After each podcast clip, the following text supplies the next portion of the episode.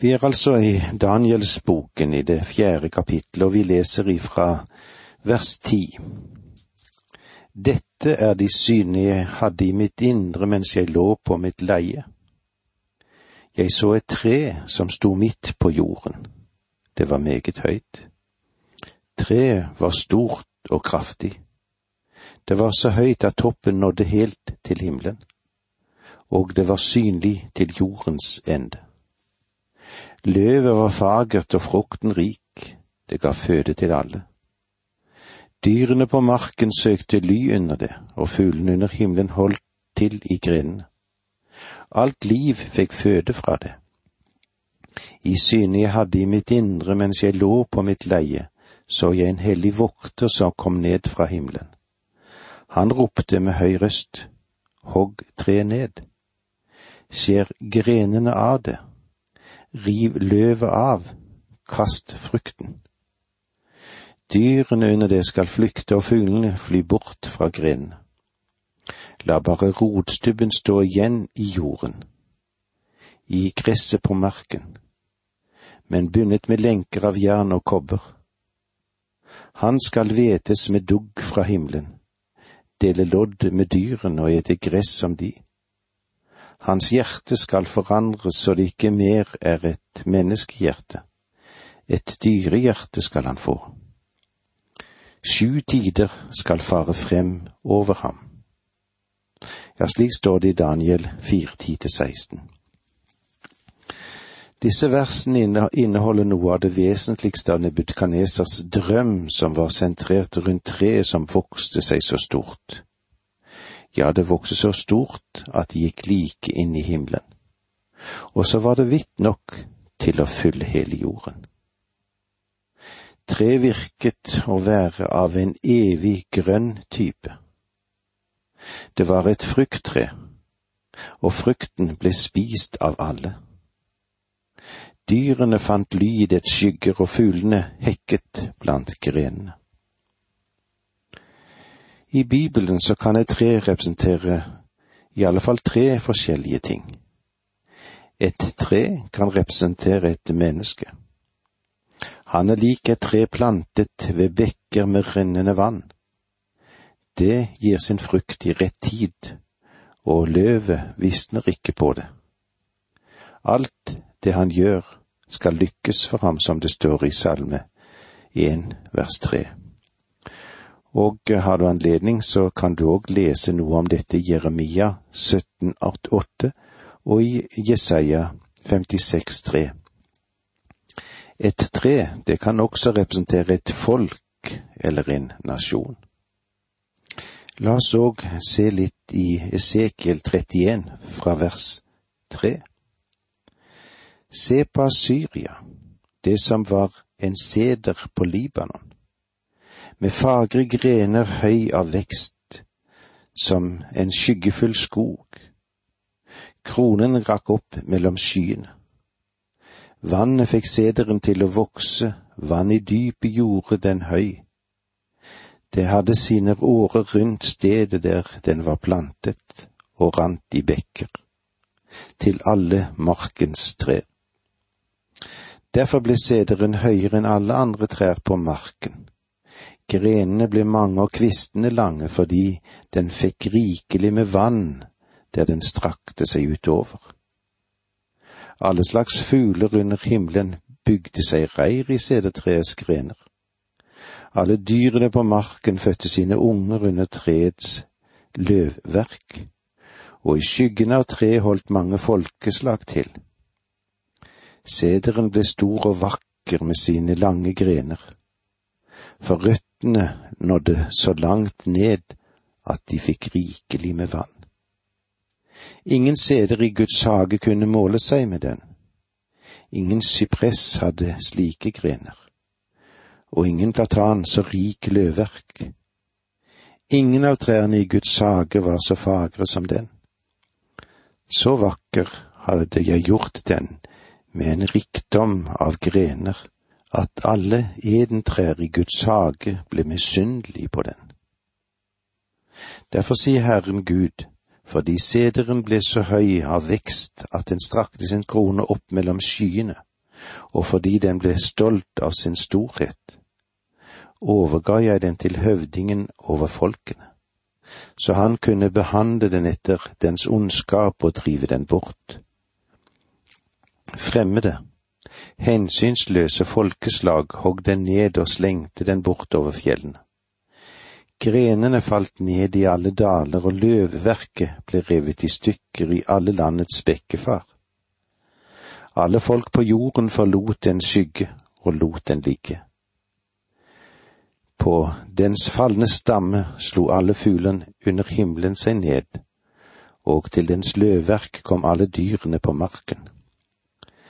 Derfor skal ingen trær som står ved vann, vokse for høyt og strekke sin krone opp mellom skyene. Og de sterkeste blant dem, de som suger til seg vann, skal ikke stå der så stolte, for de er alle prisgitt døden og må fare til landet der nede, til mennesker som er gått i graven. Slik sto det altså i Esekiel 31 vers 13 til 14. Sennepstre i Matteus 13, 31 og eh, i vers 32, det representerer jo kristendommen i dag. Og eh, oliventreet, det representerer både israelittene eller Israel og hedningene. La oss se hva det står i Romerbrevet 11,16. Er det første brød hellig, er hele deigen hellig. Er roten hellig, er grenene det også.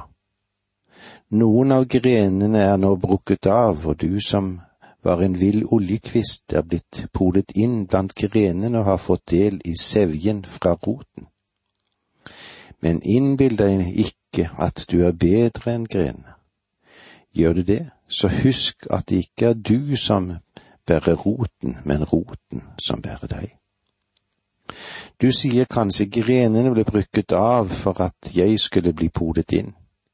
Ja vel, men de blir brukket av på grunn av vantro, og du blir stående på grunn av tro. Vær ikke overmodig, men frykt Gud. Sparte han ikke de naturlige grenene, skal han heller ikke spare deg. Så ser du altså at Gud er både god og streng. Streng er han mot dem som er falt, men mot deg er han god, dersom du holder fast på hans godhet. Ellers skal også du bli hogd av. Men også de andre skal bli podet inn, dersom de ikke holder fast på sin vantro. Gud har makt til å pode dem inn igjen. Du ble hogd løs fra et vilt oliventre og mot naturens orden podet inn på det gode treet. Hvor mye mer skal ikke de naturlige grenene bli podet inn på sitt eget oliventre, de som av naturen hører til det. Ja, slik fikk vi høre ifra Romerbrevet 11, 16 til 24. Treet her, det representerer primært en nebudkaneser, og også hans babylonske kongerike. Kongen og riket er uatskillelige. Vokterne og de hellige er blant de himmelske skapninger som Gud har skapt. Vokterne er de hellige som administrerer verdens affærer. Daniels bok gjør det klart at Gud har skapt vesener som administrerer hans univers, og denne verden som du og jeg lever i. Gud har sine administrasjonsleder og skapninger som er satt under dem. Mot dette har altså Satan også sine styresmakter, som har ansvar for visse områder i bestemte nasjoner. Vi vil møte dette noe nærmere senere i Daniels bok. Disse vokterne ser alt, hører alt og forteller alt. Det finnes troende som tror at de kan leve i hemmelighet, at de ikke er under Guds øyne. De taler om å nyte vårt pri privatliv, men om du vil vite sannheten, så har verken du eller jeg noe fullstendig privatliv. Salme 139, 7-12 forteller oss at vi ikke kan komme bort fra Gud uansett hvor vi drar. Hemmelig synd på jorden er en åpen skandale i himmelen. Hans skapte vesener vet alt om deg. Og om du er en kristen, så er det best du går til Gud med dine hemmelige synder i ditt liv og får tingene ryddet unna. Og med disse ordene sier vi takk for nå, må Gud være med deg. Dette undervisningsprogrammet består av to deler. Åge Nevland fortsetter nå med andre del av dagens undervisning. Vi er inne i Daniels bok, vi er i det fjerde kapitlet, og vi ser litt på Nebukadneser sin drøm om det store treet som var så høyt at toppen nådde helt til himmelen, og at det var synlig til jordens ende. Løvet var fagert, og frukten, den var rik, og det ga føde til alle. Nå blir dette treet hugget ned, og rundt det blir det lagt lenker av jern og kobber for å antyde det ville vokse og blomstre igjen etter sju år. Og eh, herskernes hjerte, det dreier seg altså om treet, skulle forvandles så det ble til et dyrehjerte. Det vil si at hans intelligens som menneske ikke ville fungere. I vers 17 leser vi slik.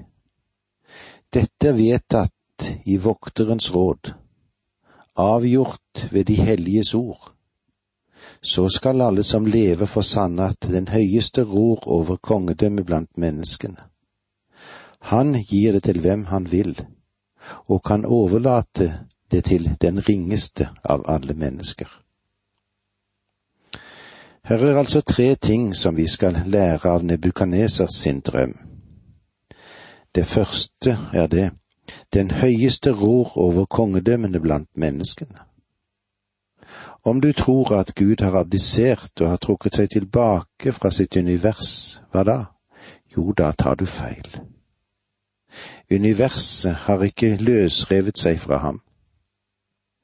Det synes å sitte en annen i salen enn Gud for øyeblikket, og at han har kontroll over jorden. I Salme to vers fire til seks leser vi Han som troner i himmelen ler, Herren spotter dem. Så taler han til dem i sin vrede, med brennende harme skremmer han dem. Det er jeg som har innsatt min konge på Sion, mitt hellige fjell. Gud sier at han vil fortsette med sin målbevisste gjerning i verden. Han tillater Satan å gjøre sine siste sprell med en bestemt hensikt i mente. Gud demonstrerer noe for, sin skapte, for sine skapte skarer og i dag. Det sies mange tåpelige ting om Satan som er fullstendig uten skriftmessig dekning.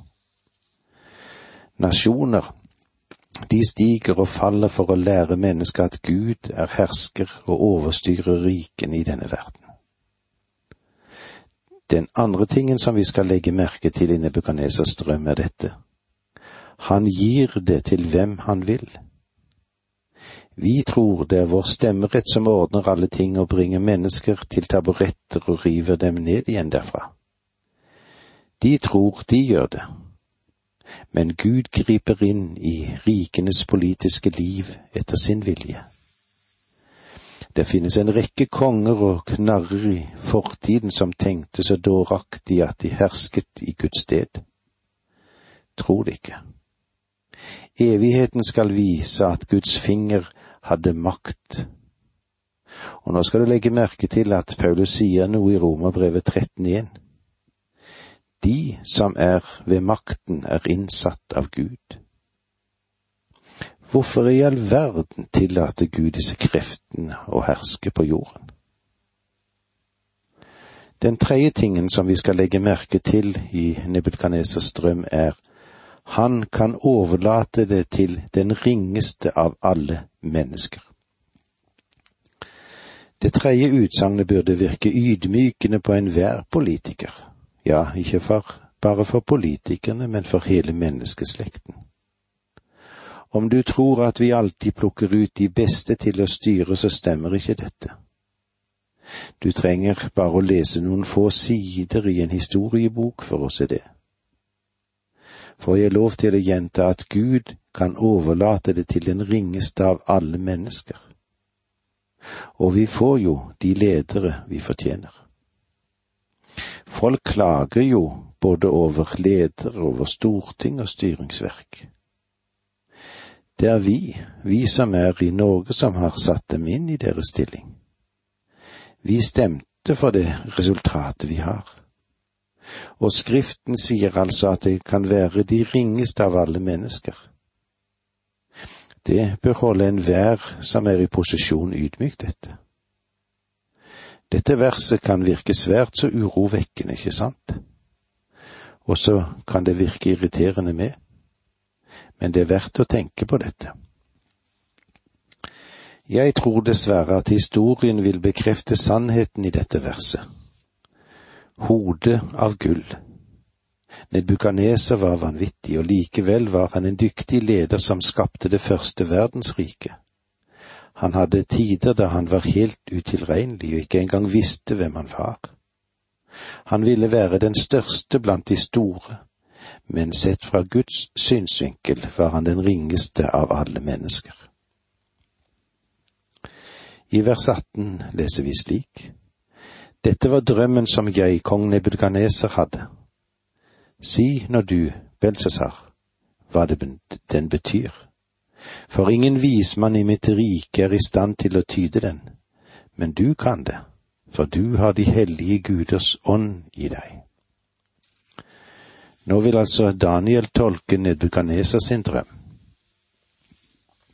Vers 19 Daniel, som hadde fått navnet Belsesar, sto en stund som lammet.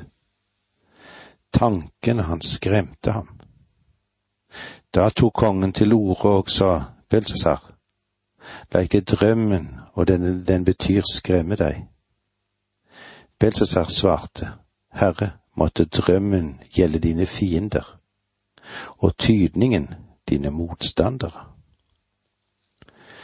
Drømmen den virket som et sjokk for Daniel. Nedbudkaneser var blitt hans venn, og Daniel, han er statsministeren. Den første drømmen Nebukadneser hadde, styrket ham, men denne drømmen knuser ham. Den er så smertelig at Daniel nøler med å åpenbare den for kongen. Daniel motstår de fristelser han kjente i seg til å holde noe tilbake for Nebukadneser. Han kommer til å gi kongen en fullstendig tydning. Spørsmålet reises ofte om hvorvidt en lege burde fortelle sin pasient at han lider av en dødelig sykdom. Personlig kjenner jeg det slik at om et menneske skal kunne gjøre seg klar til det største skritt i livet, så bør han få vite det. Det vil si om det er noe annet som vet hvordan livssituasjonen er. Jeg er glad for at legene sier jeg vil fortelle deg tingene nøyaktig slik de er, for at jeg ikke vil at det som jeg har sagt ikke var til å stole på. Det er noe som vi kan sette pris på. En del ønsker nok at eh, legen skal støtte dem, og kanskje si at alle ting er vel. Men er det noen god lege, da? Daniel kommer nå til å legge frem alle ting for Nebukadneser, og han bruker mye takt for å nærme seg problemet på en klok måte. Først sier han til Nebukadneser at det gode i drømmen har å gjøre med kongens fiender. Vi leser nå vers 20 til 22. Treet du så var stort og kraftig. Toppen nådde til himmelen, og treet var synlig over hele jorden. Løvet var fagert og frukten rik, det ga føde til alle. Dyrene på marken holdt til under det, og fuglene under himmelen hadde rede i grenene. Dette treet deg selv, konge, stor og mektig som du er. Din makt har vokst og når helt til himmelen, ditt velde til jordens ende. Treet, det representerte altså Nebutkaneser. Han har vokst seg sterk, og han har blitt stor. Han er en verdenshersker og styrer hele den siviliserte verden. Bildet her dreier seg nå om Nebukadneser personlig, og om hans rike. Versene 23 og 24 Konge, du så at en hellig vokter kom ned fra himmelen og sa, Hogg treet ned og ødelegg det.